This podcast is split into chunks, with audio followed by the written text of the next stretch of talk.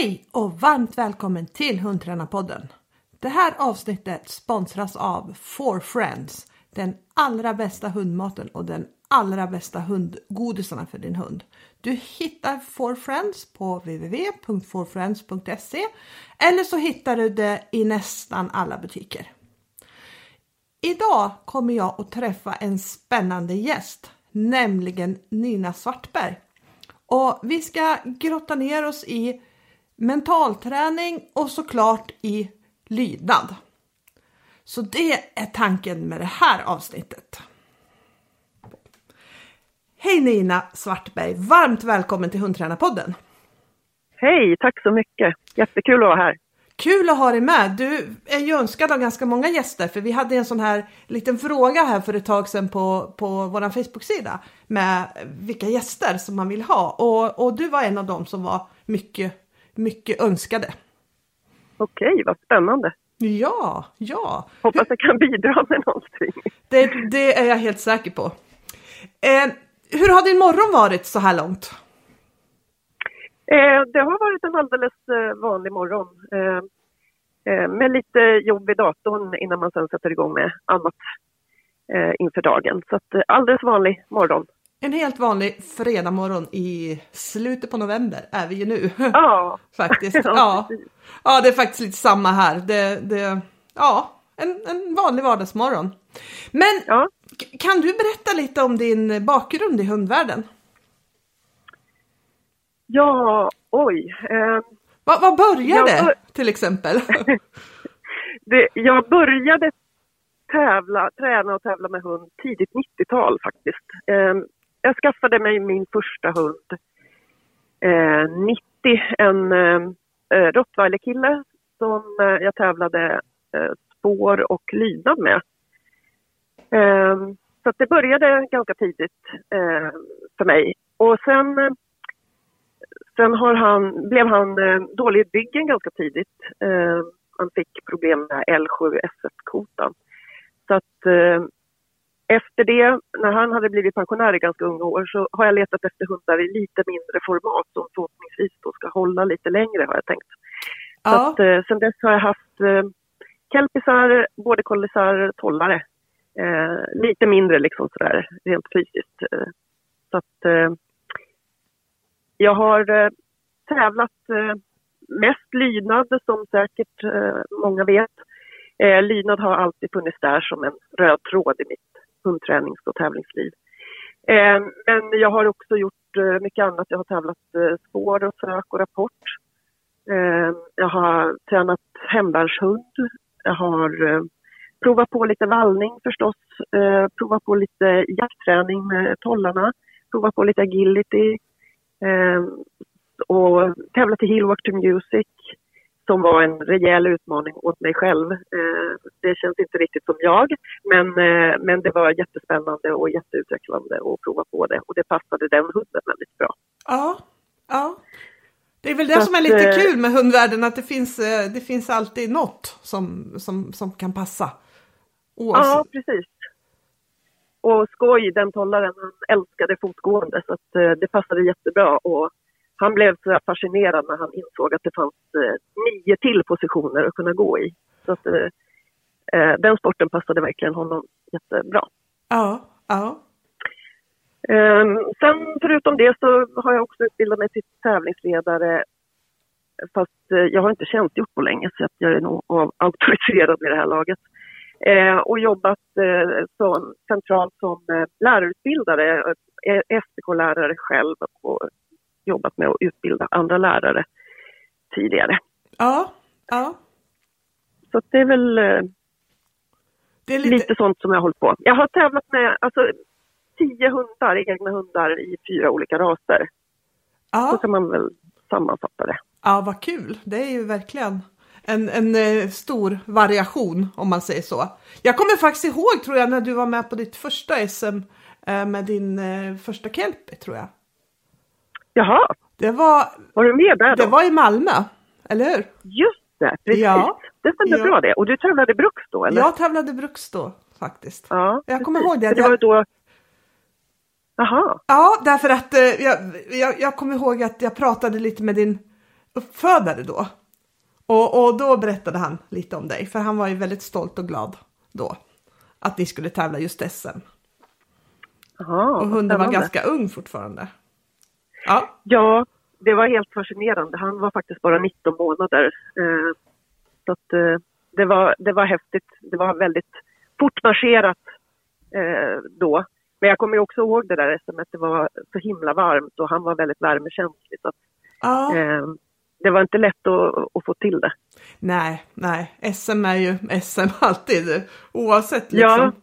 Men när de är, du kommer också ihåg det värmen där, eller hur? Ja, det gör jag. Det gör jag, för det var väldigt varmt på, ute på brukset och så här också då. Det var ganska Ja, det måste ha påverkat er också väldigt mycket i bruksarbetet. Ja, det gjorde det. Det gjorde det verkligen faktiskt.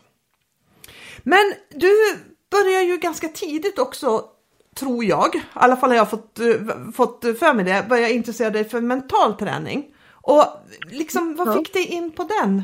På det spåret?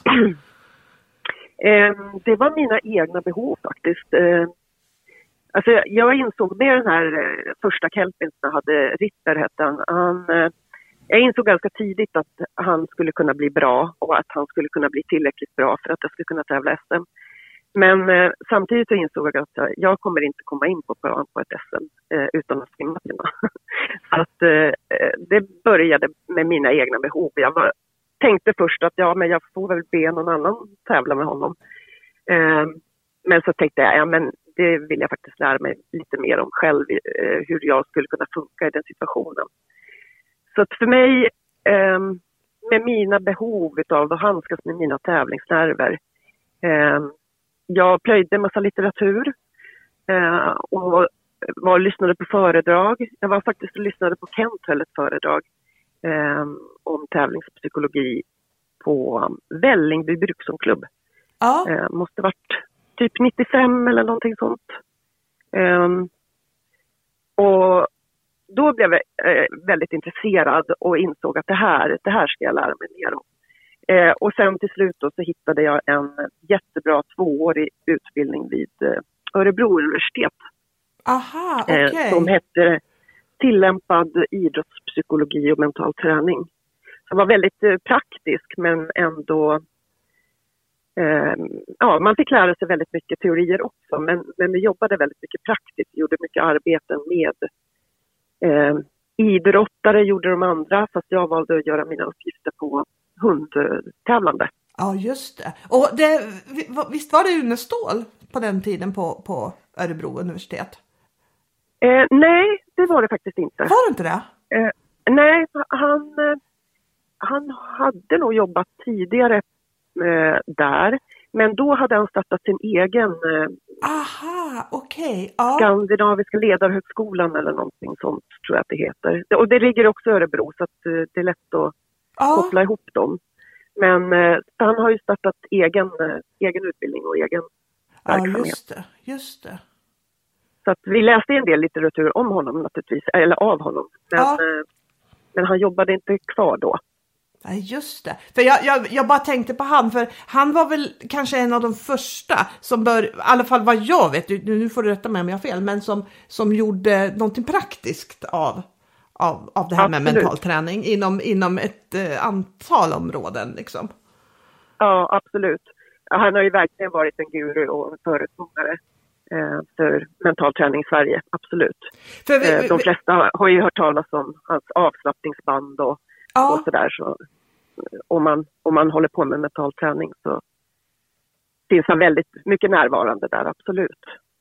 ja. Ehm, Har du, har du jobbat någonting med? Har du lyssnat på hans eh, band eller någonting sånt? Ja, ja, men det har jag absolut. Och, och framförallt så, så, så, har jag gillat den här boken som heter men, jag, Visst heter den mental tuffhetsträning, en mental hårdhetsträning eller någonting sånt. Ja, just det. Den, Just det. den tycker jag Ja. har varit väldigt liksom, den, den, den tycker jag har varit bra. Det har varit liksom en, en sån favorit. Nu har, inte, nu har inte jag läst den på jättelänge så jag tror att jag ska läsa den igen. För Ja. att se om jag får, om jag tycker samma sak nu. För Ja. saker och ting ändrar ju på sig liksom. Men, men eh, Ja. om vi ska gå tillbaka till när du gick på Örebro, då, det kan man ju kanske säga så att på den tiden så var ju inte det här med mental träning i hundsporten så himla stor. Nej, nej det var det inte. Man var inte så medveten om att eh, att man, eh, man själv bidrog med så mycket till ekipaget. Liksom. För det är verkligen inte bara hunden som ska prestera utan vi ska ju också göra vårt. Och det, det är svårt att förvänta sig att hunden ska göra jättebra saker om man själv inte fungerar. Just det, det. var, det fanns inte så mycket medvetenhet om det då. Men det började pyra där. Eh, för att många hade ju problem med bristande koncentration eller att man blev alldeles för nervös och sådär. Och insåg att om man kunde fungera bättre själv i, i tävlingssituationen så kunde ju hunden också prestera bättre. Ja. Eh, men eh, när du gick den här utbildningen då, tyckte du att det var klurigt? För jag menar, det, det mestadels av mental träning så kan man ju översätta till att man presterar på egen hand. Men, men i hundvärlden och hästvärlden som jag vet att du har skrivit lite om också, så, så Ja. är man ju två. Tyckte du att det var svårt att översätta vanlig mental träning till den? Eller tyckte du att det gick att flytta det rakt av? Eller? Förstår du min fråga? Ja, ehm, jag tyckte nog inte att det var svårt. Eh, man har ytterligare, ytterligare en sak att ta hänsyn till. Ja. Eh, därför att det, det ska ju funka med hunden också. För vanligtvis när man hör på idrottare och med mina kurskompisar där och sådär så hittar de ju sina egna sätt att förbereda sig för sin tävlingsprestation som passar dem. Eh, vi kan inte bara göra det, eh, tänker jag, utan vi måste ju också hitta ett sätt som passar hunden. Eh, man kan inte bara vara egoistisk och tänka att så här vill jag förbereda mig och, och då blir det bra, utan vi har ytterligare en individ att ta hänsyn till. Eh, och det är en aspekt som vanliga idrottare, om man nu ska kalla det för det, eh, inte behöver ta. Ryttare naturligtvis, de behöver ju ta hänsyn till sin häst också. Ja. Eh, så på det sättet så behöver man tänka till ett varv extra. Eh, men annars så är ju mental träning samma oavsett vilken idrott eller tävlingsverksamhet man håller på med, Ja. tänker jag. Ja. Ja. Hur skulle du definiera mental träning? Ifall någon liksom bara undrar vad är mental träning egentligen? Hur skulle du sätta ord på det liksom?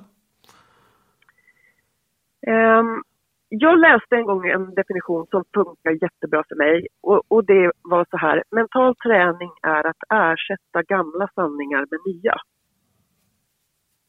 Ah. Och, och, Mm. och den, den är bra för mig, för det handlar inte om att ljuga för sig själv eller eh, att försöka ändra på sig själv, utan det handlar ju bara om vad man tänker och, och försöka hitta tankar som eh, hjälper en att göra det som man vill göra istället för tankar som kanske automatiskt kommer in i huvudet som förstör för en, som gör att man inte vågar eller inte vill göra något eller mår dåligt över något eller tänker negativa tankar eller vad det nu kan vara.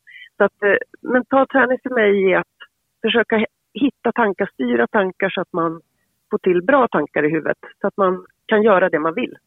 Ja. Ja, det var ju väldigt konkret och bra, tänker jag. Ja. Vad tänker du? Hur, hur är mental träning för dig? Vad tänker du kring mental träning? Jag tänker nog faktiskt lite liknande. Och, och, jag, och jag, jag kanske tänker mental träning som en process som pågår hela tiden. Som eh, kanske både gäller för träning och tävling. Att, att, att det är någonting som, som är, är väldigt genomgående. Det- gäller ju inte bara för träning och tävling förstås, utan det kanske gäller ganska genomgående på, på många punkter. Och att det finns, att man har, det finns många tillfällen som det finns många tillfällen att träna på det här, men framförallt i, i, så tycker jag att liksom den mentala träningen gör man ganska mycket i den vanliga träningen. Mm. Om, om, om du förstår hur jag menar då. Bland annat det här med, med att hålla rätt fokus. Det är liksom, vill man bli bra på att hålla rätt fokus på, täv- på träning, eller på tävling, då börjar det med att man kan hålla rätt fokus en kort stund på träning. Mm, absolut. Och, och, kan man det så kommer det att bli lättare när det kommer till tävling. Och det är samma sak som, som du säger tänker jag med, med, med att skapa rätt tankar och sanningar. Det börjar ju också lite grann redan på träningen. För tänker man någonting annat hela tiden annars så kommer man ju inte mm. automatiskt mm. att tänka eh, ha bra tankar på tävling. Utan att det här liksom är jag, jag tänker nog att det är så mycket större. Mm. Faktiskt. Ja men precis. Eh, och det handlar om tankar och det handlar inte bara om eh, att lägga sig ner på sängen och lyssna på avslappningsband utan det handlar ju om, precis som du säger, vad, vad man tänker i träning och man ska kunna vidga det ytterligare, vad man tänker i livet i stort. Eh, för vi tänker ju hela tiden. Så att mental träning kan ju vara att, att lära sig att fokusera även i vardagen. När man eh, står i kön på ICA till exempel, eh, att lära sig att styra tankar där kan hjälpa dig i träning och i tävling sen. Ja. Eh, så det, för mig är det verkligen tankeverksamhet hela tiden när man kan lära sig att styra sina tankar.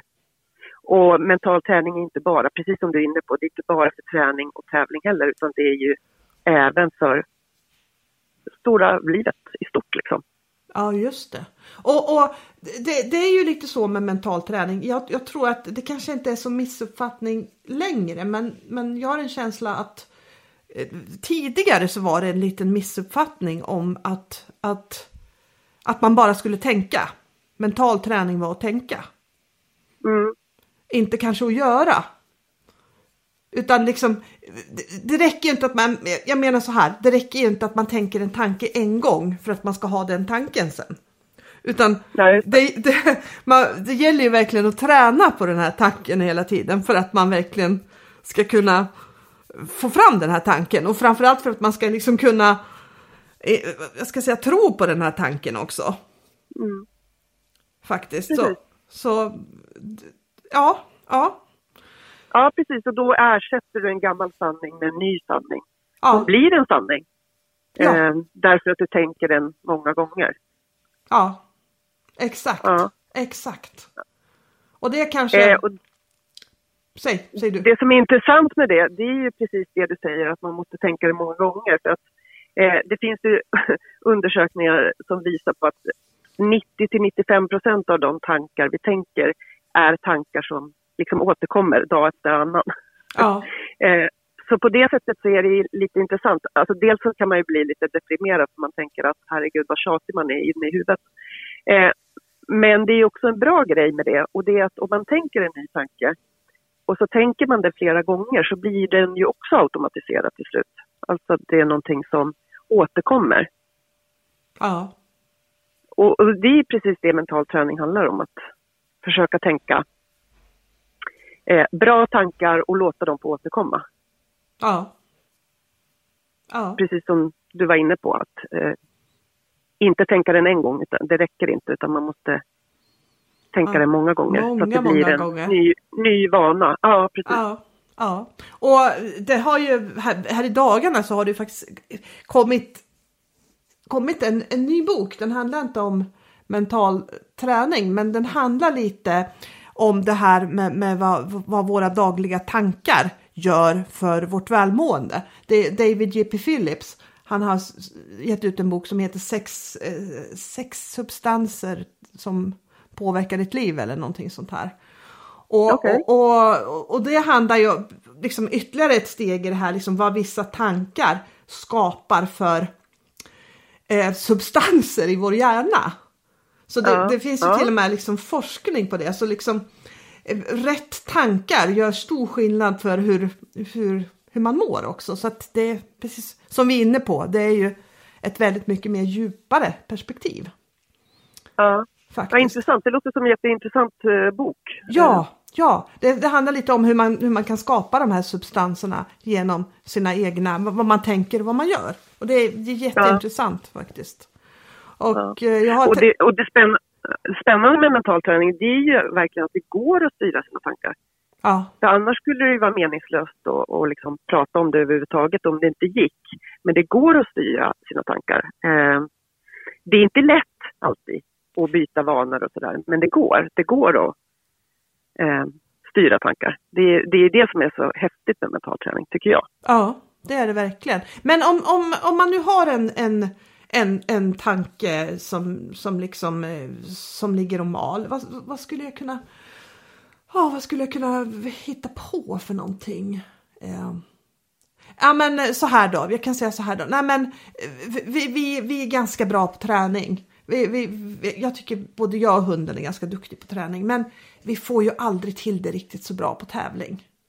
Vi får ju aldrig till det liksom på tävling och det är någonting som ligger och, och, och mal hela tiden. Vad, vad, vad, vad, skulle jag kunna göra då? Vad skulle jag kunna tänka då?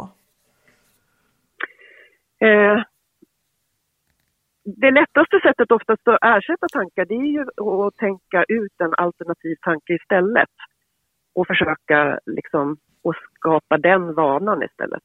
Ja. Eh, och första steget är naturligtvis att man blir medveten om att det här, är en, det här är en negativ tanke som jag har och den här hindrar mig från att göra bra saker på tävling därför att jag tänker negativt om vår kapacitet redan ja. från början.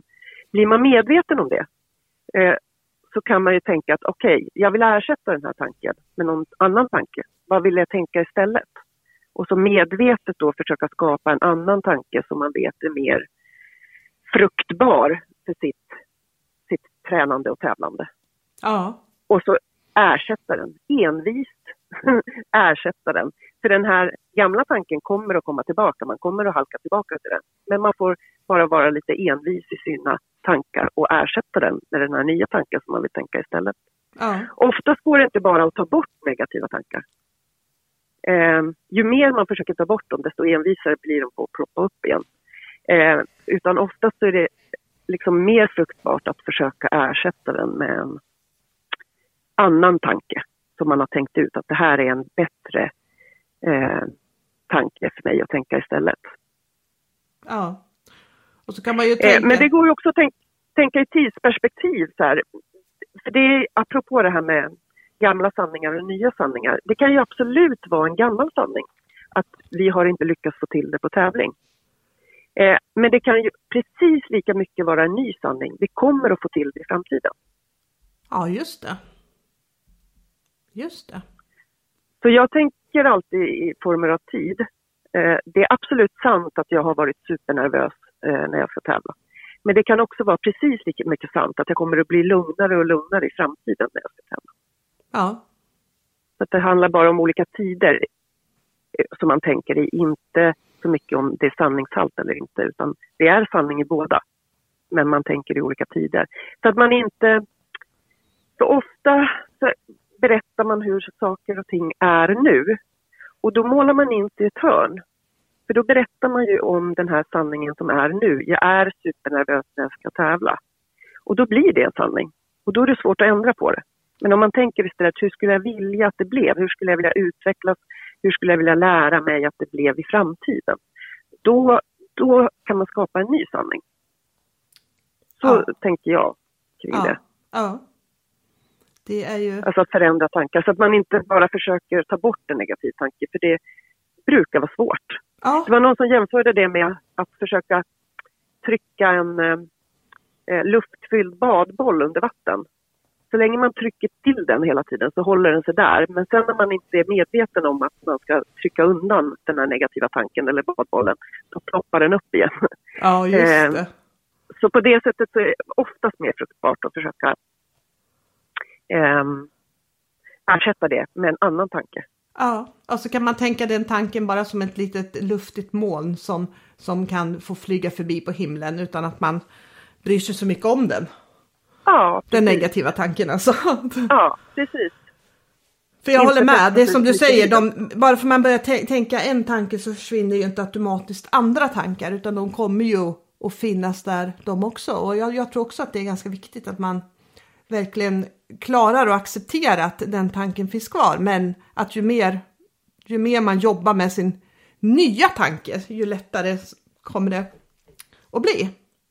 Ja. Men, men, men så här, om, om man nu är intresserad av mental träning, liksom, var, var skulle man kunna börja någonstans om man inte har jobbat så mycket med mental träning, tänker du? Vad, vad skulle jag kunna börja och se på för, för för att, för att, för att använda mig av mer. För, för, eller om vi säger så här, för att göra mig bättre mentalt tänkte jag säga, men det kanske var ett konstigt uttryck. Men, men jag vill bli bättre som träningsförare och tävlingsförare. Var skulle jag kunna börja liksom? Eh, ja, jag skulle naturligtvis då säga så här, eh, börja med att läsa min bok Prestationsglädje. Eh, ja, det är väl en jättebra början. Ehm, ja, i början på den så finns det ett frågeformulär eh, där man liksom blir medveten om massa påståenden om de på, eh, passar in på sig själv och sådär. Och det har jag använt mycket på kurser och så. Och det är många som har sagt att de, blir, de har blivit liksom medvetna om hur de funkar i, i tränings och tävlingssituationer just genom att svara på de frågorna. Eh, att man genom den medvetenheten sen kan gå vidare och fundera på skulle jag behöva jobba med mitt fokus eller skulle jag behöva minska min nervositet eller vad skulle jag vilja jobba med? Så att eh, det är väl ett sätt att gå in i det. Eh, tänker jag. Ja, ja. Egentligen, jag, jag har alltid tänkt så här, eh, visst är det konstigt att man inte får lära sig mental träning i skolan? Ja, absolut. Jag håller med. Alltså, vi får lära oss så mycket annat. Eh, och idrott och hälsa har väl alltid funnits eh, liksom, väldigt länge som ämne i skolan, lära sig att ta hand om kroppen och sådär. Men vi får inte lära oss egentligen mental träning. Hur tänk, tänker man i huvudet och hur tar man hand om sina tankar? Och, eh, det, det, kan jag tycka är märkligt eh, faktiskt. Ehm, ja. Ja, det borde ju vara ett självklart ämne och speciellt nu när det kom ju massa rapporter om att eh, psykisk ohälsa ökar bland barn och ungdomar och så, så att eh, ja, definitivt. Jag tycker det är märkligt. Eh, och apropå det så finns det en, för alla som har hand om barn och ungdomar eller om man har ungdomar hemma eller om man jobbar med ungdomar och sådär, så finns det en jättebra eh, mentalträningsbok specialskriven för ungdomar som heter Ta makten för att det fungerar. Eh, av, ska vi se vad hon heter, Leone Milton och Marie Tomitic. Ah. Eh, eh, och, och den är verkligen, det är mental träning fast skrivet på ett väldigt enkelt sätt eh, för ungdomar speciellt. Eh, om eh, ja, lite strategier för tankar, hur man tänker som barn och ungdom hur man ska tänka i skolan och jämförelse med andra och när man växer upp. Och det, den är verkligen den skriven för ungdomar så att den är väldigt lättläst och lätt att ta till sig. Ehm, den tycker jag borde vara en liksom, naturlig skolbok för alla ehm, barn i skolan. Ja, ja. intressant. Intressant och, och ja, nej men jag kan bara hålla med. Det här, och relaterar vi det här till hundträning också så, så är det ju så här tycker jag att du har ju också varit med ganska länge i hundvärlden, men eh, det har ju gått lite grann från att eh, man inte tyckte att, eh, att man påverkade hunden alls, liksom, utan allt som hände det var hunden liksom. Idag, mm. idag är det ju inte alls så. Jag tyckte att Nej. det var mycket så när jag började på 80-talet så var det så liksom. Man, man tänkte egentligen inte så mycket. Det, det som inte gick bra, det var hunden liksom. Men, men ja. det, det, har ju ändrat sig jättemycket idag. Idag har, har ju liksom tekniskt blivit, många har blivit så otroligt mycket tekniskt skickliga på att träna. Men, men det har ju mycket med att säga hur man tar sig an eh, sitt hundliv och sin hundträning och, och det finns ju mycket att jobba på där som, som skulle kunna göra väldigt stor skillnad för många tror jag. Inte mm. bara tävlingsmässigt utan rent träningsmässigt också. Ja. Faktiskt. Att, att man lär sig hitta lite rätt tankar där också. Mm, absolut. För, framförallt för att det ska bli positivt och för att det ska bli kul då. För, för att mm. det finns ju lite tankar ibland som gör att träningen inte blir, blir så kul som jag, som jag upplever det. Faktiskt. Ja, ja men precis. Eh, att det blir pressat. Eller hur tänker du att det går in lite prestationsångest ja, i träningen också? Ja, det går gärna också. in lite prestationsångest Mm. Tror jag. Och, och, och att, mm. att man kanske behöver lära sig hantera när det inte går bra i träningen. Mm. Vad gör jag när det inte mm. går bra? Vad, vad, vad mm. liksom, vilka tankar ska jag ha då? Och vad, vad kan jag göra med det så att det ändå blir en ganska konstruktiv grej? För det kan det ju bli när det går dåligt också. Det kan bli skit men det kan också bli konstruktivt beroende på hur, hur man klarar att ta sig an det. Faktiskt. Ja, ja precis. Så det här För man själv har ju aldrig blivit frustrerad när man tränar. Nej, verkligen inte. verkligen inte. Men jag måste säga att eh, jag, jag, vill fort, jag vill inte påstå på något sätt att jag är bra på det, men jag har blivit fan så mycket bättre på det i alla fall. Ja. Genom att vara liksom medveten, ha liksom en medveten strategi då. Och jag försöker numera också fånga upp det här. Känner jag en dag när jag tränar att jag är inte i riktigt bra form idag. Jag är verkligen inte det. Jag har haft för mycket, jag är stressad, jag är liksom, ja men då, då, då har jag också blivit mycket bättre på liksom, nej men ja, då, då gör jag faktiskt, eh, då gör jag saker som jag vet flyter på ganska bra. Bara mm. för att slippa mm. fastna i den här frustrationsfällan. Visst, man kan träna på det, men det är inte alltid, det är inte alltid bra lägen att träna på det faktiskt. Nej. Och då, nej, det... då kan man liksom se till att det inte händer istället just då. Om man säger så. Ja, precis. Ja. Eh, helt riktigt. Men eh, det här är ju någonting som, som också har blivit väldigt, väldigt mycket bättre. För det, kunde, det såg man ju, tycker jag i alla fall, betydligt mer eh, förr. Att folk hade sämre samarbete med sina hundar, att hundarna var mer känsliga mm. för man gjorde och sådär. Det, det, det, det, det, finns ju fortfarande och det, det har ju lite med hund, hundarna att göra också, absolut, självklart. Men man ser mycket mindre av det och det är också kanske ett tecken på att man kan, man, man kan eh, påverka det här mycket, mycket mer. Och där mm.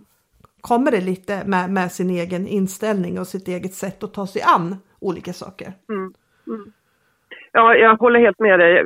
Många har blivit mycket bättre på att ta ett ansvar för sin träning. För även om man känslomässigt kan bli otroligt frustrerad när det inte fungerar eller man inte får till det så så är det ju ändå mitt ansvar som hundens tränare att eh, se till att det blir en konstruktiv träning i alla fall eh, och försöka göra det bästa möjliga av situationen istället för att låta känslan gå ut över hunden. Ja, eh, precis. och det, det ansvaret är ju många, många fler nu för tiden som tar på sig. Ja. Eh, jag håller helt med dig. Det är det faktiskt. Men är det någonting som du, som, som du tycker att vi i hundvärlden skulle kunna bli bättre på när det, när det gäller liksom mental träning?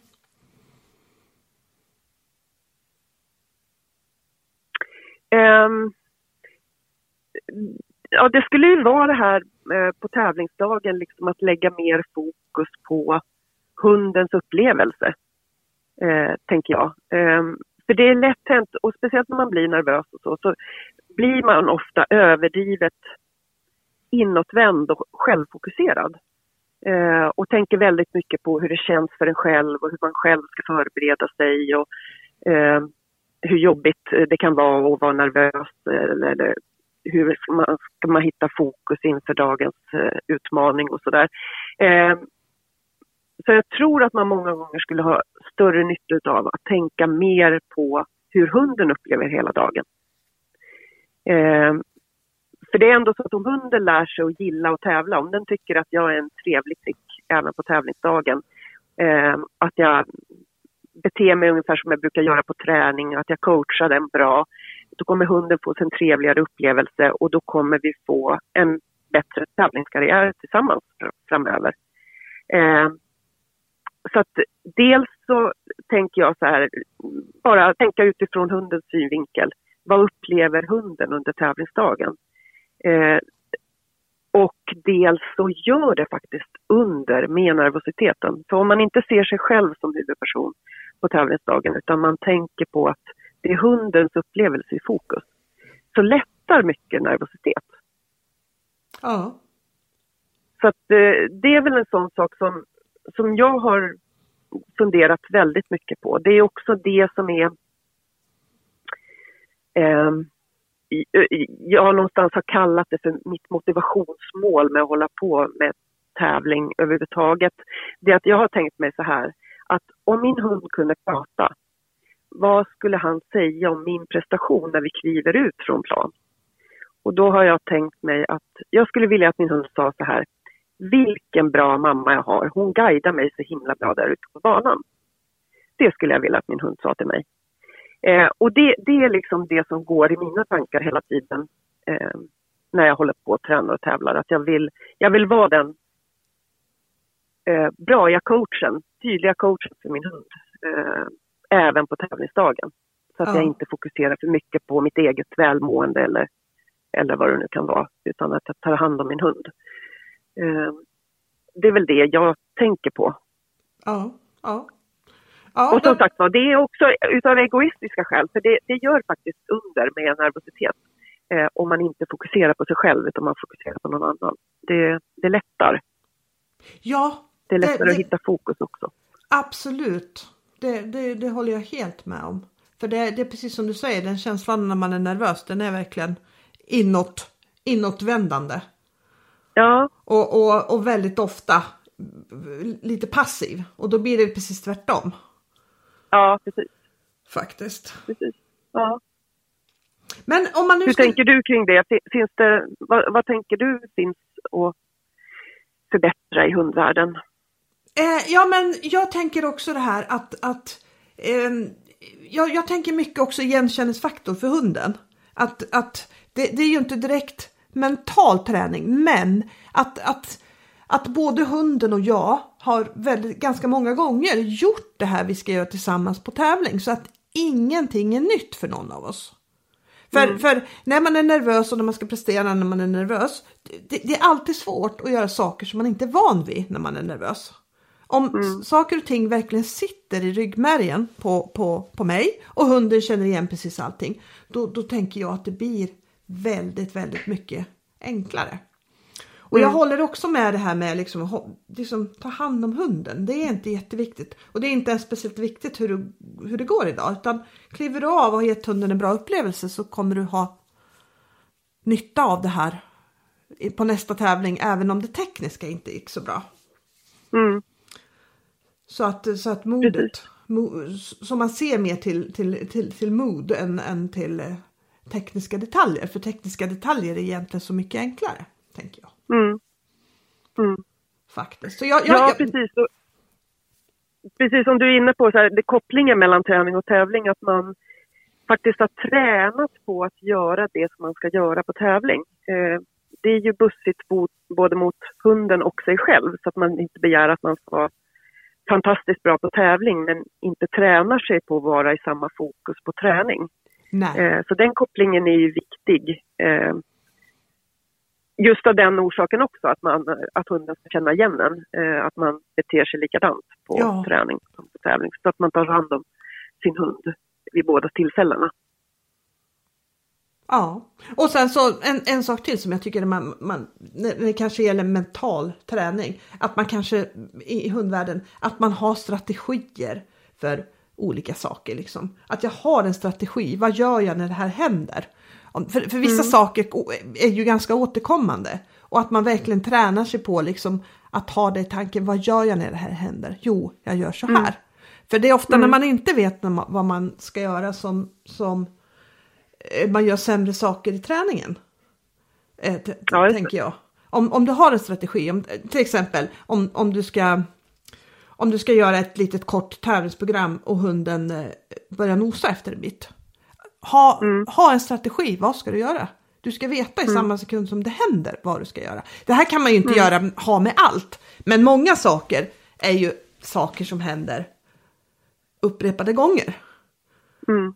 Absolut. Och, och, jag har en god vän som brukar påminna mig ibland om jag eh, vad heter det, beklagar mig över någonting som inte har gått så bra. Då, då säger hon alltid till mig, kan du med handen på hjärtat säga att du aldrig någonsin på träning eller i något annat tillfälle har sett tendenser till det här? Och då bara, eh, eh. Mm. det, ofta så har man ju faktiskt det. Så, så, så det jag tycker bättre på, att man blir bättre på och ha strategier, inövade tankestrategier. Mm. Som man sen gör praktiskt jobb av så att man kan reagera mm. pang pang och så. Det tänker jag. Precis. Eh, eh, ha plan B liksom. Eh, eh, ha funderat över vad som kan inträffa. Ja. Eh, det kan vara ett jättebra vinterprojekt att sätta sig ner med sina kompisar och vad är det för saker som kan inträffa på en tävling? Eh, och sen eh, prata ut, okej okay, om det här skulle hända mig, vad, hur skulle jag bete mig tillsammans med min hund i den här situationen? För det händer ju alltid störande saker. Eh, ja. Både som du lyfter det här hur hunden beter sig, att den gör någonting annat än på träning till exempel. Men, men det kan ju också hända andra saker som stör i situationen eller eh, så. Så att man försöker ha fler strategier som du säger, fler plan B. Eh, så att man är förberedd för många, många olika eventualiteter. Ja, och, och grejen är ju mer man tränar på det här ju mer automatiserat blir det. Och, och mm. jag, jag, jag tror faktiskt, även man kan tycka att det är fånigt att träna på det här, men, men i våran träningsgrupp så tränade vi ganska mycket ett tag på att, att man, man gick in i programmet och störde någonstans ordentligt. Och vi körde lite snabba tävlingsledare, långsamma tävlingsledare. Sen så kom jag på ett SM faktiskt och när, när eh, det regnade fruktansvärt mycket, det bara vräkte ner. Och så skulle jag ställa upp för sista momentet som var fjärret och, och, och då sa tävlingsledaren, är du klar? Och då, då, då fick jag se på liksom, nej men hunden han behöver skaka sig. Och då sa jag bara nej och så bara liksom tog jag upp hunden och så gick ett varv till så han skakade sig och sen satt ner hunden. Och det där har jag tänkt på ganska mycket i efterhand att det där hade jag aldrig gjort om det inte hade sett i ryggmärgen så mycket. Mm. För speciellt om man är lite nervös då, då, då, vill, då, då är det så himla lätt att man följer med på tävlingsledaren. och, och mm. att man liksom, ja, det, mm. det, blir så mycket lättare att ta kontroll. Mm. Absolut. Eh, men det säger också någonting om ditt fokus där, för du var inte fokuserad på att det skulle bli bra för tävlingsledaren och domaren, att du skulle vara lydig gentemot dem, utan du var väldigt mån om att din hund skulle få eh, en bra start på momentet eller ett bra moment eller en bra upplevelse utav hela situationen. Eh, så att med det fokuset så kan man ju också lätt lättare foga sig i situationer. För det är precis som du säger, att man kan inte tänka igenom alla situationer. Man kan inte komma på alla eh, grejer, störningar som kommer att komma. Eh, men om man hela tiden har det som fokus, att min hund eh, ska inte märka av att det finns störande saker, utan jag ska vara den barriären som tar hand om alla störningar. Eh, då är det lättare att reagera eh, även med ryggmärgen fast man inte har liksom tänkt igenom just den situationen. Ja. Att man har det fokuset hela tiden. Att det handlar inte om att man ska vara klar när tävlingsledaren frågar utan det handlar om att min hund ska ha det bra. Mm, det gör ju det faktiskt i slutändan. Och, och som sagt, det, det är också som sagt ett beteende som, som man vill ha automatiserat, så man gör det utan att man utan att man tänker på det helt enkelt. Mm, mm. Vi, har, vi har ju varit inne på det här lite, vad, om man har jättedåliga tävlingsnerver, hur, hur, man kan, vad man kan förbättra genom mental träning. Det har vi varit lite inne på det här med att, att man ska ändra sina tankar, att, att, ehm, att man ska ge hunden en bra upplevelse. Men har du någonting att tillägga på den punkten? Just när det gäller nervositet? Ja. Um, jag tror att mycket handlar om eh, målsättning. Alltså hur, vad man har satt upp för mål för sig själv, medvetet eller omedvetet. Eh, och hur man tänker kring sina mål, vad man har för tankestrategier för sina mål. Eh, för det byggs upp mycket mer nervositet om ens mål är kopplade till resultatmål eller mål som man inte själv kan kontrollera. För när man tänker på saker som man inte kan kontrollera, då blir man stressad. Eh, så att det, det absolut eh, första rådet eh, om man vill jobba på sin nervositet, det är ju att fundera över vad man har för målsättning.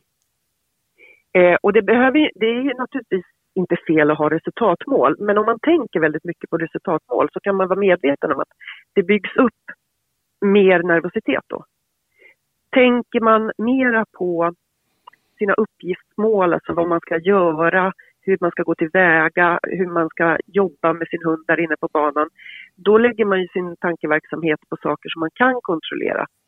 Och då är det lättare att bli lugnare, skapas mindre nervositet, men man får också ett bättre fokus därför att man tänker på saker som man kan kontrollera. Just det.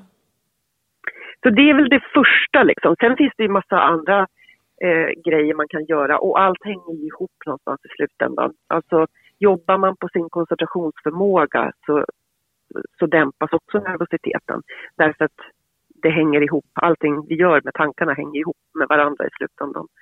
Eh, men framför allt det här med målsättning. För många, eh, man tänker kanske omedvetet kring hur ska det gå till exempel. Men det kan man inte kontrollera, det vet man inte på förhand hur det ska gå. Eh, alltså är det en ganska dum tanke att lägga massa tankeenergi på innan. Därför att då är ju ens tankar kring det här som man inte kan kontrollera och då byggs det nervositet. Eh, så att försöka lägga eh, sina tan tankar på det som man kan kontrollera, så sina egna uppgifter, det praktiska tillsammans med hunden och så vidare. Ja. Att inte tänka så mycket framåt i tid. Tänka lite mer här och nu, mindfulness, göra, göra det som ska göras här och nu och inte tänka så mycket hur ska det gå. Nej, vad ska hända sen ja. Ja. ja. ja. Och det är nog verkligen en träningssak att och, och, och, och stanna kvar där faktiskt. Ja, eh, det finns det ju massa forskning på att vi lägger ner, eh, alltså människor överhuvudtaget, inte bara hund, eh, tränande och tävlande människor utan människor överhuvudtaget lägger ner väldigt mycket tankeenergi på eh, bakåt i tiden och framåt i tiden. Vi är väldigt lite med våra tankar precis här och nu. Eh, och, och, det gör att det, vi ältar saker bakåt i tiden. Vi oroar oss för saker framåt i tiden. Eh, Medan det forskning har visat är att vi människor verkar vara som lyckligast när vi är här och nu i våra tankar. Men tyvärr så har vi svårt att hålla tankarna på här och nu ja, hela tiden. Ja. Så att eh, mindfulness handlar ju just om det, att försöka styra sina tankar lite mer till här och nu. Eh, det är ju jättebra fokusövning. Ja. Att försöka styra sina tankar till nuet. Mm. Mm. Ja, det är ju jättebra tips tycker jag. Faktiskt. Eh, sen, och sen kan man också tänka på det här med ett annat effektivt verktyg man alltid har med sig, det är kroppsspråk. Har du Mm. tänkt på det? Ja, lite grann. Men jag skulle kunna göra det bättre faktiskt. Ja. Utan tvekan. Jag, jag tycker att det är så häftigt med kroppsspråk för det kom också eh, eh, en studie, eh, stor studie kring kroppsspråk där man visade på Alltså vanligtvis så tänker vi på kroppsspråk som kommunikation mellan människor. Eh, men den här senaste studien, eh, när den kom så pratades det om alltså att kroppsspråk är också kommunikation inom oss. Ja, Eh, alltså att kroppen, hur vi använder kroppen, det påverkar tankarna. Det är inte bara så, för vi vet ju att tankarna påverkar kroppen. Om man tänker nervösa tankar så beter man sig annorlunda än om man tänker lugna tankar. Om man tänker eh, självsäkra tankar så beter man sig på ett annat sätt än om man tänker att man inte är så bra på någonting till exempel. Eh, så att hur, hur man tänker påverkar kroppen. Men den påverkan går precis lika mycket åt andra hållet. Hur vi använder kroppen påverkar våra tankar och känslor. Och det tycker jag var lite häftigt. Så att nu kommer jag lite av ämnet. Men det här senaste eh, studien som jag läste om det här eh, visade på eh, det var att kroppsspråket har så stor betydelse så att eh, efter att ha stått i en, som hon kallar det för, Amy Cuddy heter hon, en forskare som var ledare för det här gänget som tittade på kroppsspråk. Eh, eh, när, när man stod i en power pose, som hon kallar det för, alltså i en kraftfull eh, stående ställning med rak rygg och händerna på höfterna och fötterna lite isär och tog mycket plats. Om man stod så i två minuter så så hade det hänt någonting med hormonnivåerna i kroppen. Eh, alltså stresshormonet kortisol hade minskat och testosteronhalten hade ökat, både för män och för kvinnor. Alltså man kände sig säkrare eh, och stresshormonet hade minskat. Ja, just det. Eh, och det tycker jag är så otroligt fascinerande. Så att hur vi använder kroppen, det påverkar till och med hormoner i kroppen. Ja. Och det är ju ett jättehäftigt verktyg att ta till. Alltså tänka om mina tankar, om mina nervösa tankar till exempel gör saker med mitt kroppsspråk. Vad händer om jag skulle använda kroppsspråket på ett helt annat sätt? Om jag använder kroppen på ett självsäkert sätt, på ett lugnt sätt, så som jag skulle vilja känna mig, så kan jag påverka tankarna i sin tur med det. ja. Det tycker jag är eh, liksom spännande att tänka på. Att man inte bara Verkligen. behöver lyssna på tankarna och låta dem påverka kroppen utan man kan faktiskt medvetet gå in och påverka kroppen och påverka tankarna i sin tur utav det. Just det. Just det. Eh, vi ska hoppa över lite på vi ska, vi ska hoppa över lite på, på dig nu tänker jag. Hur, hur, hur, hur tänker du och förbereder du dig mentalt in, inför ett mästerskap? Eh, jag, jag har ju alltid liksom fått jobba eh, med mina tävlingsnerver för jag är egentligen inte en tävlingsmänniska, vad nu det är. Eh, eh, jag är inte så bra på att tävla egentligen. Eh, utan jag har fått hitta mina egna tankar för att bli bra i den situationen. Eh, så att för mig så byggs det lätt upp för mycket nervositet. Så att jag försöker faktiskt att inte tänka så mycket inför ett mästerskap. Jag försöker att inte tagga igång för tidigt, att inte eh, tänka för mycket. Utan för mig så blir det mer praktisk, alltså den praktiska förberedelserna tillsammans med hunden. Jag försöker att inte tänka så mycket, inte jobba så mycket mentalt. Utan det, det mentala jobbet det har jag gjort liksom innan. Och sen så försöker jag vara så mycket bara här och nu tillsammans med min hund. Fokusera på praktiska saker, se till att jag kan, vet förutsättningarna, att jag har med mig rätt grejer, eh, att jag kan momentordningen eller vad det nu är för praktiska saker. Så att jag försöker att vara i praktiken tillsammans med min hund och hur, hur han ska förberedas och eh, vad vi ska göra eh, de sista träningspassen innan och, och så vidare. Så jag försöker att inte tänka så mycket. Ja. Det låter som en bra strategi där, tycker jag. Faktiskt. Men hur håller du fokuset då under ett mästerskap? Är det lite samma, samma tankar där? Ja, det är det faktiskt. Ehm, jag försöker att inte hålla fokus hela tiden. Ehm, utan för mig så blir det utmaningen att eh, kunna slappna av emellan. Att faktiskt tänka på andra saker emellan. Ehm, att inte tagga igång för tidigt. Att inte vara på hela tiden. Utan försöka, försöka tänka på annat under tiden så att det inte byggs för mycket. Eh, Nej, för, för ofta när det är VM och sådana här saker så är det ju ganska många dagar som, som man Ja. är igång. Så det är ju väldigt mentalt tröttande om man ska vara on hela tiden faktiskt. Ja, ja. Nej, och för mig är det inte så bra. För är jag på hela tiden då, då hamnar tankarna väldigt mycket framåt i tiden på hur ska det gå? Ja. Eh, liksom, att det halkar in på eh, egen prestation dagen efter eller vad det nu kan vara. Eh, så att jag försöker vara så mycket här och nu och, och i det praktiska och eh, fokusera på det som ska göras eh, där och då. Ja. Ja. Så är det för mig. Så Jag har inga problem med att tagga igång utan tvärtom försöka liksom att inte tagga igång för tidigt. Ja, just det. Just det. Men eh, hur, hur tänker du, tacklar du motgångar på tävling? Och, och har du några tips för andra? Hur ska man liksom... Hur, hur kan man tänka och, och ja, men tackla när det, när det inte går alls som, som man har tänkt på en tävling då? För det, det, det kommer ju alltid att hända alla någon gång. Absolut. jag läste någonstans eh, någon som sa att eh, motgång eh, får alla, eh, framgång får en, de envisa. Eh, och, och, så är det ju verkligen, motgångar kommer att komma, det gör det för alla. Men, eh, men jag tänker nog inte så mycket i termer av motgångar. Eh,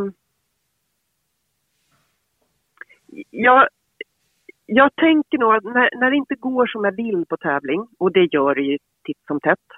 Ibland får jag kommentaren så här, ja vad skönt att se att det kan gå dåligt för dig också. Ja, och då ja. tänker jag så här, eh, eh, det går ju dåligt för mig titt som tätt. Eh, tycker jag. Eh, det händer alltid en massa konstiga saker. Ja, eh, ja men det, det gör det ju. Nej, absolut. Eller hur? Det, ja, det är väldigt sällan man är nöjd. Man, idag gick allting som jag hade tänkt. Ja, nej, det händer inte så särskilt ofta om man säger så. Nej, hur ofta gör du liksom tävlingar som du är 100% nöjd med? I princip aldrig. Nej. Inte 100% men nej. däremot hyfsat nöjd, det är ju fler då, men, men 100% ja. det, det, är alltid ja. någonting som, som, inte, som inte är så bra som det skulle kunna vara. Absolut, ja. så, så är det. Ja. Det ja, men det är jätteintressant, för så tänker jag också. Eh, jag fick den frågan någon gång och då tänkte jag på så här, jag har gjort en enda tävling i min tävlingskarriär som jag är 100% nöjd med. En enda tävling. Annars finns det alltid något. Och det är precis som du säger, ofta är man ju väldigt nöjd med väldigt mycket. Ja. Men det finns alltid någonting, det här ska jag ta med mig, det här måste vi träna mer på eller det här måste jag tänka på eller det här ska jag byta strategi kring eller vad det nu är för någonting. Det finns alltid någonting att göra lite bättre. Och då tänkte jag på att jag läste en intervju med Ingemar Stenmark att han, han le, eh, hela tiden så jobbade han på det perfekta åket. Ja. Eh, och han berättade att han gjorde bara ett enda perfekt åk i hela sin karriär. Och han vann ju, vad vann han, 86 världscuplopp eller någonting sånt där. Eh, men ett enda lopp som han tyckte själv det var perfekt. Ja. Jo, men... eh, och det, så, så är det nog för mig också. Alltså att jag, eh, jag är väldigt sällan nöjd. Helt nöjd. Jag är alltid nöjd med många saker, men jag tar också med mig lärdomar. Och det är därför jag tänker så här, jag, eh, jag tänker inte så mycket i termer av motgångar, för jag tänker inte på en tävling som en konkurrenssituation, utan jag tänker på att, att, att en tävling är informationsinhämtning är det för mig. Eh, mycket. Och då tar jag med mig information om vad som funkade, vad jag har lyckats lära min hund, eh, vad, vad, vi har lyckats genomföra, eh, vad som har blivit mycket bättre sen förra tävlingen. Men jag tar också med mig, det här funkade inte, det här måste jag hem och grunna på eller det här ska vi hem och träna bättre på. Eh, så jag tänker inte så mycket i termer av motgångar utan det är bara ett informationsinhämtningstillfälle. Och så får jag med mig information om vad vi behöver träna bättre på. Ja, men det, kanske, det kanske man ska säga om nästa tävling. Då. Jag ska inte på tävling, jag ska på ett informationsinhämtningstillfälle. Det känns ju lite mindre ja. liksom pressande än tävling kan man ju säga. Ja. Faktiskt. Ja. ja, men för mig, eh, eftersom jag eh, liksom har brottats med nervositet eh, ända sedan början så, så har jag lärt mig att tänka så och det funkar jättebra för mig. Jag tänker aldrig att det är tävling utan jag tänker att det är informationsinhämtning. Ja. Eh, jag envisades med att tänka det när vi åkte till Paris 2011. Så sa jag att jag har inte börjat tävla ännu. Eh, vi ska bara åka dit för att hämta hem information. Eh, och jag vet att det var några som tyckte att jag inte var riktigt klok som tänkte så. Eh, men, men för mig så funkar det att tänka så. Och det är ju ingen som kan tvinga mig att tänka att det är konkurrens eller tävling. Utan för mig så, alla tävlingar är informationsinhämtningar. Ja, det tror jag, jag skulle vara ett jättebra inte. tips för, för många faktiskt. Ja. Oh. Så därför så blir det heller inga motgångar utan det blir, det blir information om det blir lite, det lite mer information vid de tillfällena. Ja, bara ja, helt enkelt. Ja. ja. Och det, det är klart att man blir besviken, alltså det blir jag ju också. Det är inte så att jag automatiskt är jättekreativ och börjar tänka på nya träningssätt om det har eh, liksom gått åt skogen på en tävling. Eh, det, så behöver det inte vara. Alltså man, man får självklart känslomässigt vara besviken. Eh, men, men sen, ja, det viktigaste är förstås, visa inte det för hunden. För det, den har ingen nytta av att veta att du är besviken. Eh, men man får vara besviken, man är ju bara människa. Men tänka sen att sen ska man hem och ta reda på det där och försöka eh, hitta nya träningssätt eller, eller träna mera eller vad det nu är någonting man behöver göra kreativt utav det. Ja. ja. Vad, vad är det viktigaste du har lärt dig om mental träning?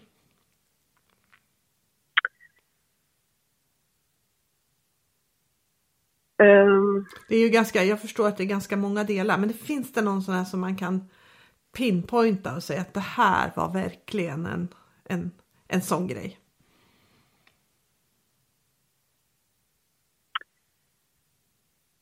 Ja, det, alltså det viktigaste jag kanske har lärt mig det är just det här att det går att styra tankar. Att man kan eh, man kan ändra sitt tankesätt. Man kan hitta tankar som funkar för en. Eh, det, eftersom eh, jag liksom började med mitt, mitt tävlande så var jag så nervös att jag mådde inte bra utav det. Men jag har lyckats hitta tankar som gör att jag är bra på att tävla idag. Eh, därför att jag tänker de tankarna som jag vill tänka. Eh, jag går in för mina uppgifter och jag tänker på det som informationsinhämtning. Och då helt plötsligt har jag blivit bra på att tävla. Jag kan må bra i den situationen. Eh, jag är fortfarande alltid nervös men jag har dämpat nervositeten så pass mycket så att jag kan fungera väl i den situationen. Må bra och fungera väl. Eh, så att det går att styra sina tankar, det kanske är det viktigaste liksom. Ja, ja. Ja, att det... man inte fångar för sina tankar så som de är nu utan man kan man kan ändra sina tankar. Ja. Ja, ja men det, det är ju jättebra. Eh, det, det, är ju jättebra liksom reflektion och tanke och, och, och ja. Vad tänker du? På... Vad är för dig det viktigaste? Ja du, vad tusan, vad ska jag säga? Ska vi säga? Ja, men jag, jag, vill, jag vill komma tillbaks till, till det här att, att um, att jag med um, att jag kan göra mycket mental träning på träning och att det gärna följer med på tävling. Faktiskt. Mm. Att mm. liksom tänka rätt saker på träning och göra rätt saker på träning gör att det att man får att jag får med det på tävling. Kan, mm. kan jag säga liksom. Att jag jobbar mycket med det fokuset jag vill ha och med de, de tankarna jag vill ha på träning. För att det mm. sen mer eller mindre ska följa med på tävling. Då, så att det, det kanske jag tror att det är det, det, det, det är den viktigaste liksom mentala träningen som, som mm. jag har tänkt. Alltså det går mycket i det praktiska. Eller jag kan säga man ska säga att, att eh, om man ska koka ner det till någonting enkelt så skulle man säga att mentalträning är en praktisk gren. Kanske jag skulle säga. Mm. Faktiskt. Mm. Att det är det viktigaste jag lärt mig. Att det är liksom det är mm. tankar men du måste träna på dina tankar. Det räcker inte att du tänker det en gång om man säger så. Mm, mm. Så det... Utan det är en pågående verksamhet? Liksom. Ja, exakt. Exakt. Ja, intressant. Ja. ja, jag håller helt med. Mm. Ja, jag, jag, jag lyssnar så mycket så att ibland så tappar jag lite fokus på att det är jag som eh, ska styra det här. Så. Men det är, väl, det är väl ett bra betyg? Ja, ja absolut. Faktiskt. Mm. Eh, kan du ge dina tre bästa tips på hur man lyckas bra med sin hundträning? Med sin hundträning? Ja. Oj. Um.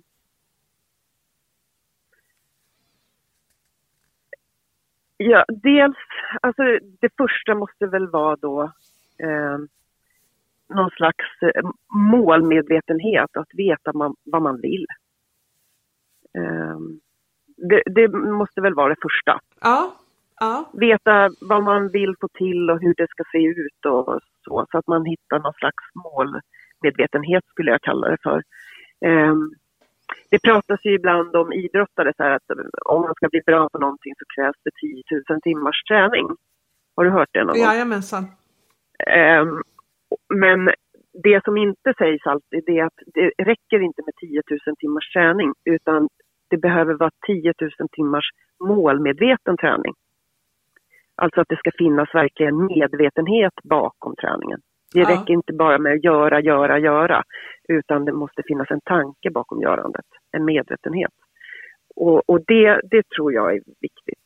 Det räcker inte med bara harva runt liksom, utan det måste finnas en tanke bakom. Vad är det jag vill uppnå?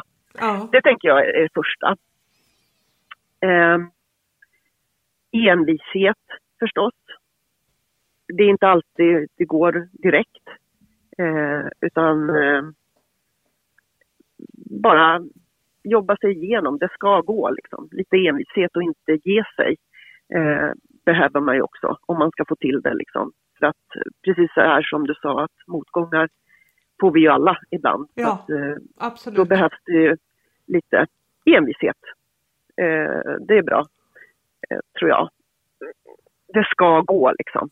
Man ger sig sjutton på det. Eh, och sen eh, också någon slags kreativitet och flexibilitet i träningen. An anpassa sig till den hunden man tränar. Eh, försöka hitta nya sätt att göra saker på. Om det inte går på det här sättet kan jag testa på ett annat sätt. Eh, den här hundindividen kan inte tränas på det här sättet. Jag måste tänka någonting nytt. Eller jag måste ändra mitt eget favoritsätt utifrån att det inte passar den här hundindividen. Så att försöka vara kreativ och flexibel och träna den hunden man har framför sig. Eh, det är väl de tre sakerna jag skulle lyfta tror jag. Ja, ja. Spännande. Vad tänker du? Vad tänker du? Eh, jag har... Du, du, du, du. Det var tre bästa tips. Då ska jag... Och låt mig... Låt mig tänka. Åh, det är så svårt att, att, att bara hitta på tre grejer. Men ett tips det är i alla fall att man utgår från det som fungerar.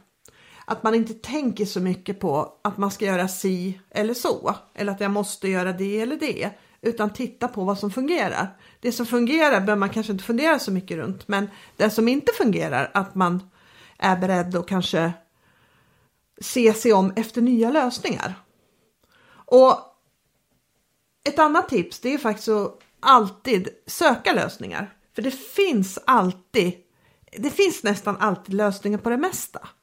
Att man kanske inte ska tänka så mycket att liksom, eh, jag, jag tycker att det är lite lätt att fastna i, ja men den här hunden, den är så här. Istället för att se, okej, okay, det finns lösningar. Och det finns alltid någon som kan det här lite bättre än vad jag kan det. Hur bra jag mm. än kan det så kommer det alltid finnas någon i världen som kan det lite bättre. För det, för det, det, det, det, det är inte troligt att det är just jag som är världsmästare i just det här. Utan jag tycker att man ska försöka vara väldigt kreativ med att hitta lösningar. Och sen så tänker jag så här att man kan ställa sig den frågan om om om du var på en anställningsintervju. Skulle din hund anställa dig då? Den mm. tycker jag man ska ha liksom i bakhuvudet hela tiden. Om du var på en mm. anställningsintervju, skulle din hund säga ja men du, du, du är perfekt för det här jobbet. Så mm. det var tre snabba. Mm. Jag, jag, är lite, lite så här, um, jag tänker lite långsamt ibland så jag behöver ibland liksom tänka igenom lite mer. Men ja. Det, de, jag tyckte att du var väldigt snabbtänkt. Eh, så det, det, det behöver du inte be om ursäkt för. Eh, men jag hör ju också att det går ju i linje med det, det här som eh, det här med flexibilitet och kreativitet, att inte fasta på metoder. Ja, det, precis. Det, det, det, finns inte en metod till att träna ett bra flyktfält till exempel, utan Eh, träna den hund man har och det som funkar för den hunden, det, det är en bra metod. Liksom. Ja. Eh, för just den hunden. Eh, och försöka vara lite flexibel och, i det. Eh, det håller jag helt med om. Eh, så att man inte bara använder en massa metoder på en hundindivid som skulle kunna tränas mycket effektivare på ett annat sätt. Exakt. Eh, Exakt. Men sen håller jag absolut med dig om det här med att man kanske inte alltid liksom bäst på att själv komma på eh, vad man ska förändra därför att man fastnar i, i sitt eget. Och många gånger så är det jättenyttigt att få ögon utifrån på någon som tittar på ens träning och säger varför gör du sådär? Eh, varför gör du inte sådär istället? Eh, så att absolut, att vara ödmjuk i att, att man fastnar, det gör vi ju alla. Eh, vi behöver alla ibland ögon utifrån som, som ställer den frågan, liksom, varför gör du inte sådär istället? Ja men Eh, precis och där, och där, där, och där kan det också vara en sån, sån grej som, som jag tycker många utnyttjar otroligt dåligt i hundvärlden och det är att se över till andra grenar. Vad är, vad är liksom folk i andra grenar riktigt bra på? Mm. För att det, det är liksom, eh, där kan man ju hitta kanske den hjälp som, som man inte får i sin gren liksom. mm, Och, och så, som till exempel, ja vad är lydnadsfolk duktiga på? Jo, jag tycker de är duktiga på att få hundarna att jobba med, med bra attityd och bra tryck under en ganska lång tid. Alltså ganska långa program. Att de är ganska bra Mm. på att få till det här med, med uthålli- ut, uthålligheten och är ganska bra att få till det här med re, relativt säkra hundar då. Och sen när, när jag har, kör ju IGP med, med mm, eh, min Malle då. Och, och, och det de är duktiga på till exempel, det är ju att de är väldigt duktiga på att hitta rätt slags tryck och rätt slags attityd i hunden. För det är väldigt viktigt där. Där tittar man Mm. jätte, jättemycket på det. Om hunden har rätt attityd så, så kan de vara väldigt snälla med misstag, mot, mot misstag då. Men har en fel attityd så spelar det ingen roll att den är perfekt liksom. Och, och det där kan man ju inte översätta till lydnad, absolut inte. Men det finns delar där som man kan plocka ur och, och plocka till lydnad. Och jag kan tänka mig att du, det var detsamma när du körde HTM. Att det finns delar där som kanske de var bra på. Som, som, som man kan ta med sig till sin andra träning. Och och, och det där var ju bara några exempel. Det är liksom jag skulle nog säga att alla grenar har någonting specifikt som de är bra på och ibland så kan det vara smart att kika lite på dem också. mm, absolut. Man kan absolut lära sig eh, och bli bättre på genom att titta på andra grenar och hur andra gör. Och, eh, och jag tycker jag har lärt mig mycket eh, bara vara med Kent i vallningen och sådär. Eh, för den tävlingssituationen är ju också väldigt speciell. Eh, så att absolut att det finns saker att lära sig. Det, det jag tyckte var jättesvårt när jag tävlade heelwork, det var att i, i lydnaden så får man ju hålla sig i sin egen fokusbubbla. Liksom. Man behöver inte eh, titta på publiken, man behöver inte... Eh, man kan finnas där i sin bubbla tillsammans med sin hund, eh, i sin fokusbubbla. Eh, men i heelwork så krävdes det liksom att eh, man ska titta ut över publiken och showa. Ja, Eh, fast man hela tiden ska vara där med sin hund och ge den kommandon och göra rätt grejer och sådär. Men det ska ändå se ut som att det är en teaterpjäs liksom. Att man tittar ut över publiken. Och det tyckte jag var jättesvårt. Att inte bli medveten om vilka som står i publiken eh, fast man tittar på dem utan, eh, utan att vara kvar i sin fokusbubbla fast man måste titta ut. Eh, det, det tyckte jag var en verkligen utmaning mot mig själv. Eh, men eh, det gick ju det också att lära sig. Men det, det var svårt från början. ja. Ja, ja, men det, Apropå att lära sig i, i andra sporter. Liksom. ja, men, ja men precis. Så, så allt det här adderar ju liksom till goda erfarenheter liksom, tänker jag. Ja, ja. Faktiskt. Och där, där kan man ju där kan vi bara kasta in ett litet sånt här tips att freestyle och HTM är ju perfekt om man vill ut tidigt och tävlingsträna. Du kan gå in i ringen en till två minuter och göra precis vad du vill. ja. Det är ju ofta är det trångt och eh, mycket hundar runt omkring och är perfekt tävlingsträning. Mm. Faktiskt tycker jag. Ja, men precis. Att, att det kan Och vara la, liksom, har man lärt hunden ett fotgående så går det ju snabbt att få till ett litet heelwork-program också. Ja, Eh, krävs ju inte jättemycket i den första klassen så att Mm. eh, man kan träna på sitt fotgående eh, där under tävlingsmässiga förhållanden. Och dessutom till musik, vilket är jättetrevligt. ja, ja men det är det faktiskt. Ja, det är kul att det finns så mycket som man kan liksom hämta inspiration Ja. ifrån tycker jag. Ja, verkligen. Helt klart. Jag ska avsluta här med att ställa två stycken lyssnarfrågor som jag har valt ut. Den första Ja. är lite längre.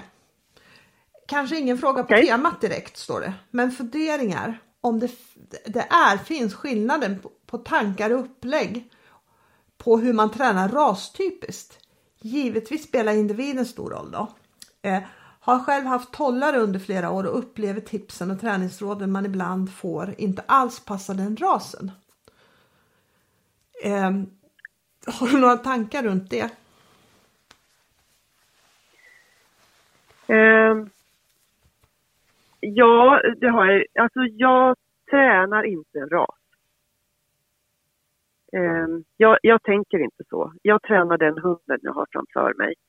Eh, och det gäller ju även när man eh, hjälper andra eh, att träna sina hundar. Det att jag eh, försöker att inte ha rasistiska ögon. Eh, att inte tänka på raser utan att försöka att titta på vad hundindividen gör och behöver eh, och träna den så individuellt det går. Eh, vi har ju människor, vi människor överhuvudtaget, vi har ju lätt att kategorisera och liksom stoppa in i fack och sådär. Eh, och då blir det ju mer metodträning, tänker jag, precis som du var inne på alldeles nyss. Eh, lätt hänt. En border collie tränar man så här och en tollare tränar man så här.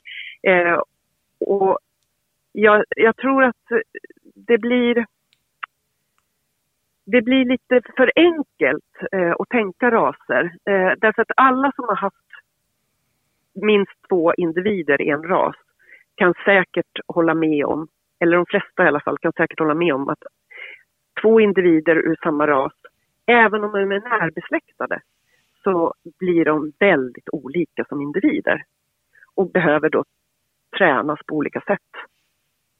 Mina hundar har i alla fall varit det. Mina Ja. två tollare var jätteolika varandra. Eh, kunde inte alls tränas på samma sätt. Eh, de här två senaste bordercollierna som jag har tränat, Pike och Kitos, de är precis varandras motsatser. Eh, eh, behöver liksom till och med vara annorlunda i min coachroll på tävling åt dem därför att de behövde mig på olika sätt. Så att det blir liksom nästan som en personlighetsförvandling även i mitt tävlingsjag. Eh, och ännu mer då när det gäller träningsmetoder. Så att jag, jag försöker att inte tänka raser när jag ska hjälpa andra. Ja. Eh, men visst tänker du också så, du har ju också tränat många olika hundindivider. Ja, ja. Eh, när man eh, skaffar sig en hund så är det klart att man måste skaffa sig en hund ur en ras. Liksom. Det, det är ju självklart så. Men sen så är det ju ändå den hundindividen man tränar. Ja, ja absolut. Så, så jag tycker inte heller att det är liksom, jag, jag tänker inte rastypiskt för, för fem öre när, när jag tränar. Liksom, på sista tiden så har jag ju tränat border collie och sen bytt över till Malle då så tycker jag inte att det är liksom, nej men det, det är ingenting annorlunda som jag gör på ett övergripande plan. Sen får man ju kanske se på vissa saker som man får ja men liksom belöningshantering och sådana här grejer. Det är sånt som man får lägga ner kanske mer tid på med, med, med den hunden. Men det är ju inte säkert att det hade blivit så. Det hade ju kunnat det hade ju kunnat varit en Malle som inte hade haft det. Så det, man kan ju inte säga liksom säkert utifrån eh, Nej. någon hund. Utan jag, jag, jag tänker också att det är individer och att, att det faktiskt inte heller spelar så himla stor roll vad det är liksom. Nej, Vad det är för ras. Utan, ja. Nej, det finns ju lättränade hundar i alla raser skulle jag säga. Men det finns också väldigt svårtränade hundar i alla raser. Eh, Absolut. så, att, eh, så att det är inte så relevant. Och det jag tänker den här lyssnaren som frågade om det, eh, eh, det var ju någonting i frågan om att eh, hon hade fått dåliga tips. Ja. Eh, och då kanske det är dåliga tips till den hundindividen. Ja, Eh, det behöver inte vara dåliga tips för den rasen om man nu ska prata om raser. Eh, men just till den hundindividen så kanske det var ett dåligt tips.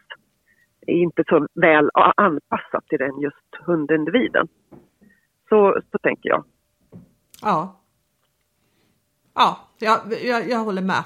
Som sagt, jag tycker också att liksom, jag ja, inte rastypiskt, men väldigt individtypiskt Ja. snarare. Så. Ja, och den frågan har jag fått ibland också. Så här, varför, varför byter du ras så ofta? Ehm, och, och jag tänker inte på det som att jag byter ras utan jag har alltid skaffat mig en hundindivid som jag gillar. Jag har eh, liksom sett föräldrar till en blivande valp som jag har gillat och då har jag skaffat mig en valp ur den kullen.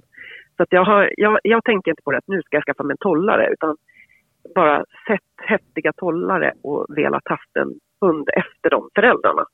Eh, till exempel. Ja. Eh, så, så, så är det för mig. Jag kan tänka mig andra raser också men det är liksom det är just den hundindividen som jag väljer. Jag väljer inte ras egentligen. Nej, nej. Ja, men det var väl det var en bra, ett bra svar på den frågan. Och då har vi en allra sista fråga här och det är, då hoppar vi faktiskt tillbaka lite på mentalträningen. Hur slutar man jämföra sig med andra? Oj. Ehm. Men det är väl ganska mänskligt, det gör vi väl alla? Är det inte det? Jo, det är så, är, så, så, så, så är det nog. Jag, jag tror att det är en eh, allmänmänsklig grej eh, eftersom vi är sociala varelser, att det är lätt att hamna där. Ja, Eh, och det behöver inte vara negativt, men, men ofta blir det negativt. Man kanske jämför sig så mycket med andra och, eh, och så skapas det massa negativa tankar kring det. Att man känner sig pressad eller får prestationsångest eller eh, tycker att man är dålig själv eller vad det nu kan vara. Jag vet inte. och sen så är det väl Ehm. lätt i dagens eh, samhälle, i dagens liksom eh, samhälle, inte, med, där man ser mycket på nätet och sådär, så är det svårt, så, så, så, så blir det ju heller ingen rättvis jämförelse. För, för, för Nej. liksom man är inte det man lägger ut på nätet. Långt därifrån liksom. Och, och när du lägger ut någonting på nätet så kan du redigera 200 timmar innan du lägger ut något bra. Så att det där kanske Ja, inte är men precis. normaltillstånd. Så man måste liksom tänka att, att, att nätet är inte riktigt på riktigt på det sättet. Nej. Brukar jag Nej, tänka. Liksom. Ja. ja, men helt riktigt.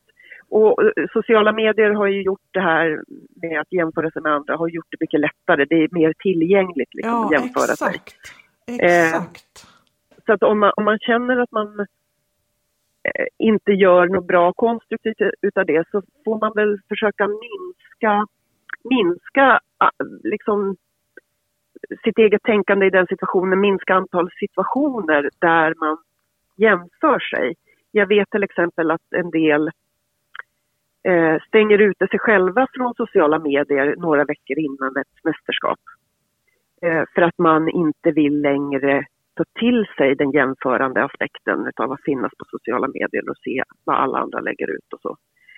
Eh, så att man är lite bussig mot sig själv och inte, inte bara automatiskt ta till sig jämförelsen.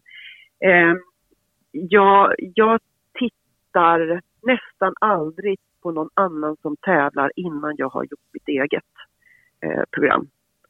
Eh, för att jag vill inte börja jämföra. Jag vill inte bli medveten om vad andra gör innan jag har gjort min egen tävling. Eh, det är också ett sätt att försöka minska situationen. Ja. Eh, men Och- sen är det och- igen det här... Ja, säg. Ja, förlåt, säg, säg du. Nej, nej jag, jag, jag, tänker, jag tänker så här också att man, om jämföra sig med andra, då kanske man också behöver tänka liksom vad, vad, vad, var ligger min drivkraft i det här? Mm. Är det min drivkraft att bli bättre än alla andra? Eller liksom, vad, vad, vad, har jag för drivkraft? Vad är det som gör att jag gör det här? Liksom? För mm. då blir ju, det är ju, och jag tror de egentligen de allra flesta gör det här för att, ja men för att man tycker det är kul. Och för man mm. är intresserad av att träna hund och att man kanske ska försöka landa mer i den insikten liksom. Mm. Ja, precis så är det. Alltså, eh, fundera över sin egen målsättning så att det inte har smugit sig in där någon slags eh, jämförelsetankar att man vill Eh, göra det lite bättre än, eller att man lägger det i händerna på domarna att man har viss poäng eller viss placering eller så. Eh, för då blir det ju lätt jämförande tankar utan precis som du är inne på att fundera över sin egen målsättning. Varför gör jag det här? Gör det för din egen skull, för att eh, det är roligt. Ägna dig åt din egen resa. Ehm, det var väl Kjell Enhag ehm, som jämförde livet med en bil. Eh, att man kan ägna sig åt att titta ut genom sidorutorna på vad andra gör och vart de ska resa. Eller så kan man titta mycket mer framåt. Och det är därför han belyste det med att framrutan är mycket större än sidorutorna. Just för att man ska titta mera framåt på sin egen resa, på vart man ska. Ja. Eh, och så har man en liten bakruta också så att man kan titta bakåt på vad som har hänt. Men eh, man ska inte titta så mycket åt sidorna utan eh, ägna sig åt sin egen eh, resa. Eh, för att det, blir lätt så att man begränsar sig om man börjar jämföra sig med andra. Att, att det är lätt hänt att man inte gör det som man vill göra. För att man känner sig lite pressad utav ja. jämförelsen. Så tänker jag. Jämför med dig själv. Ja, alltså, ja det är ju nästan det bästa man kan göra faktiskt. Ja, ja men eller hur. Tänka, jämföra den här tävlingen med tävlingen för en månad sedan eller hur träningen gick eh, för ett halvår sedan eller eh, hur du betedde dig på tävling för ett år sedan eller vad du har lärt dig. Alltså jämför dig med dig själv eh, istället för att jämföra med alla andra. För alla får göra sina egna resor. Och att man gör det för sin egen skull. Liksom. Ja. Och, det... och sen är det väl också en bra sak att, att ha med sig. Säg lite snälla saker till dig själv. Lägg märke till bra saker du gör. För det är lätt hänt att man tänker bara kritiskt på det som man klantar till det. Eh, både på träning och tävling. Men eh, säg också snälla saker till dig själv om det som du gör bra så att man lägger märke till bra saker också.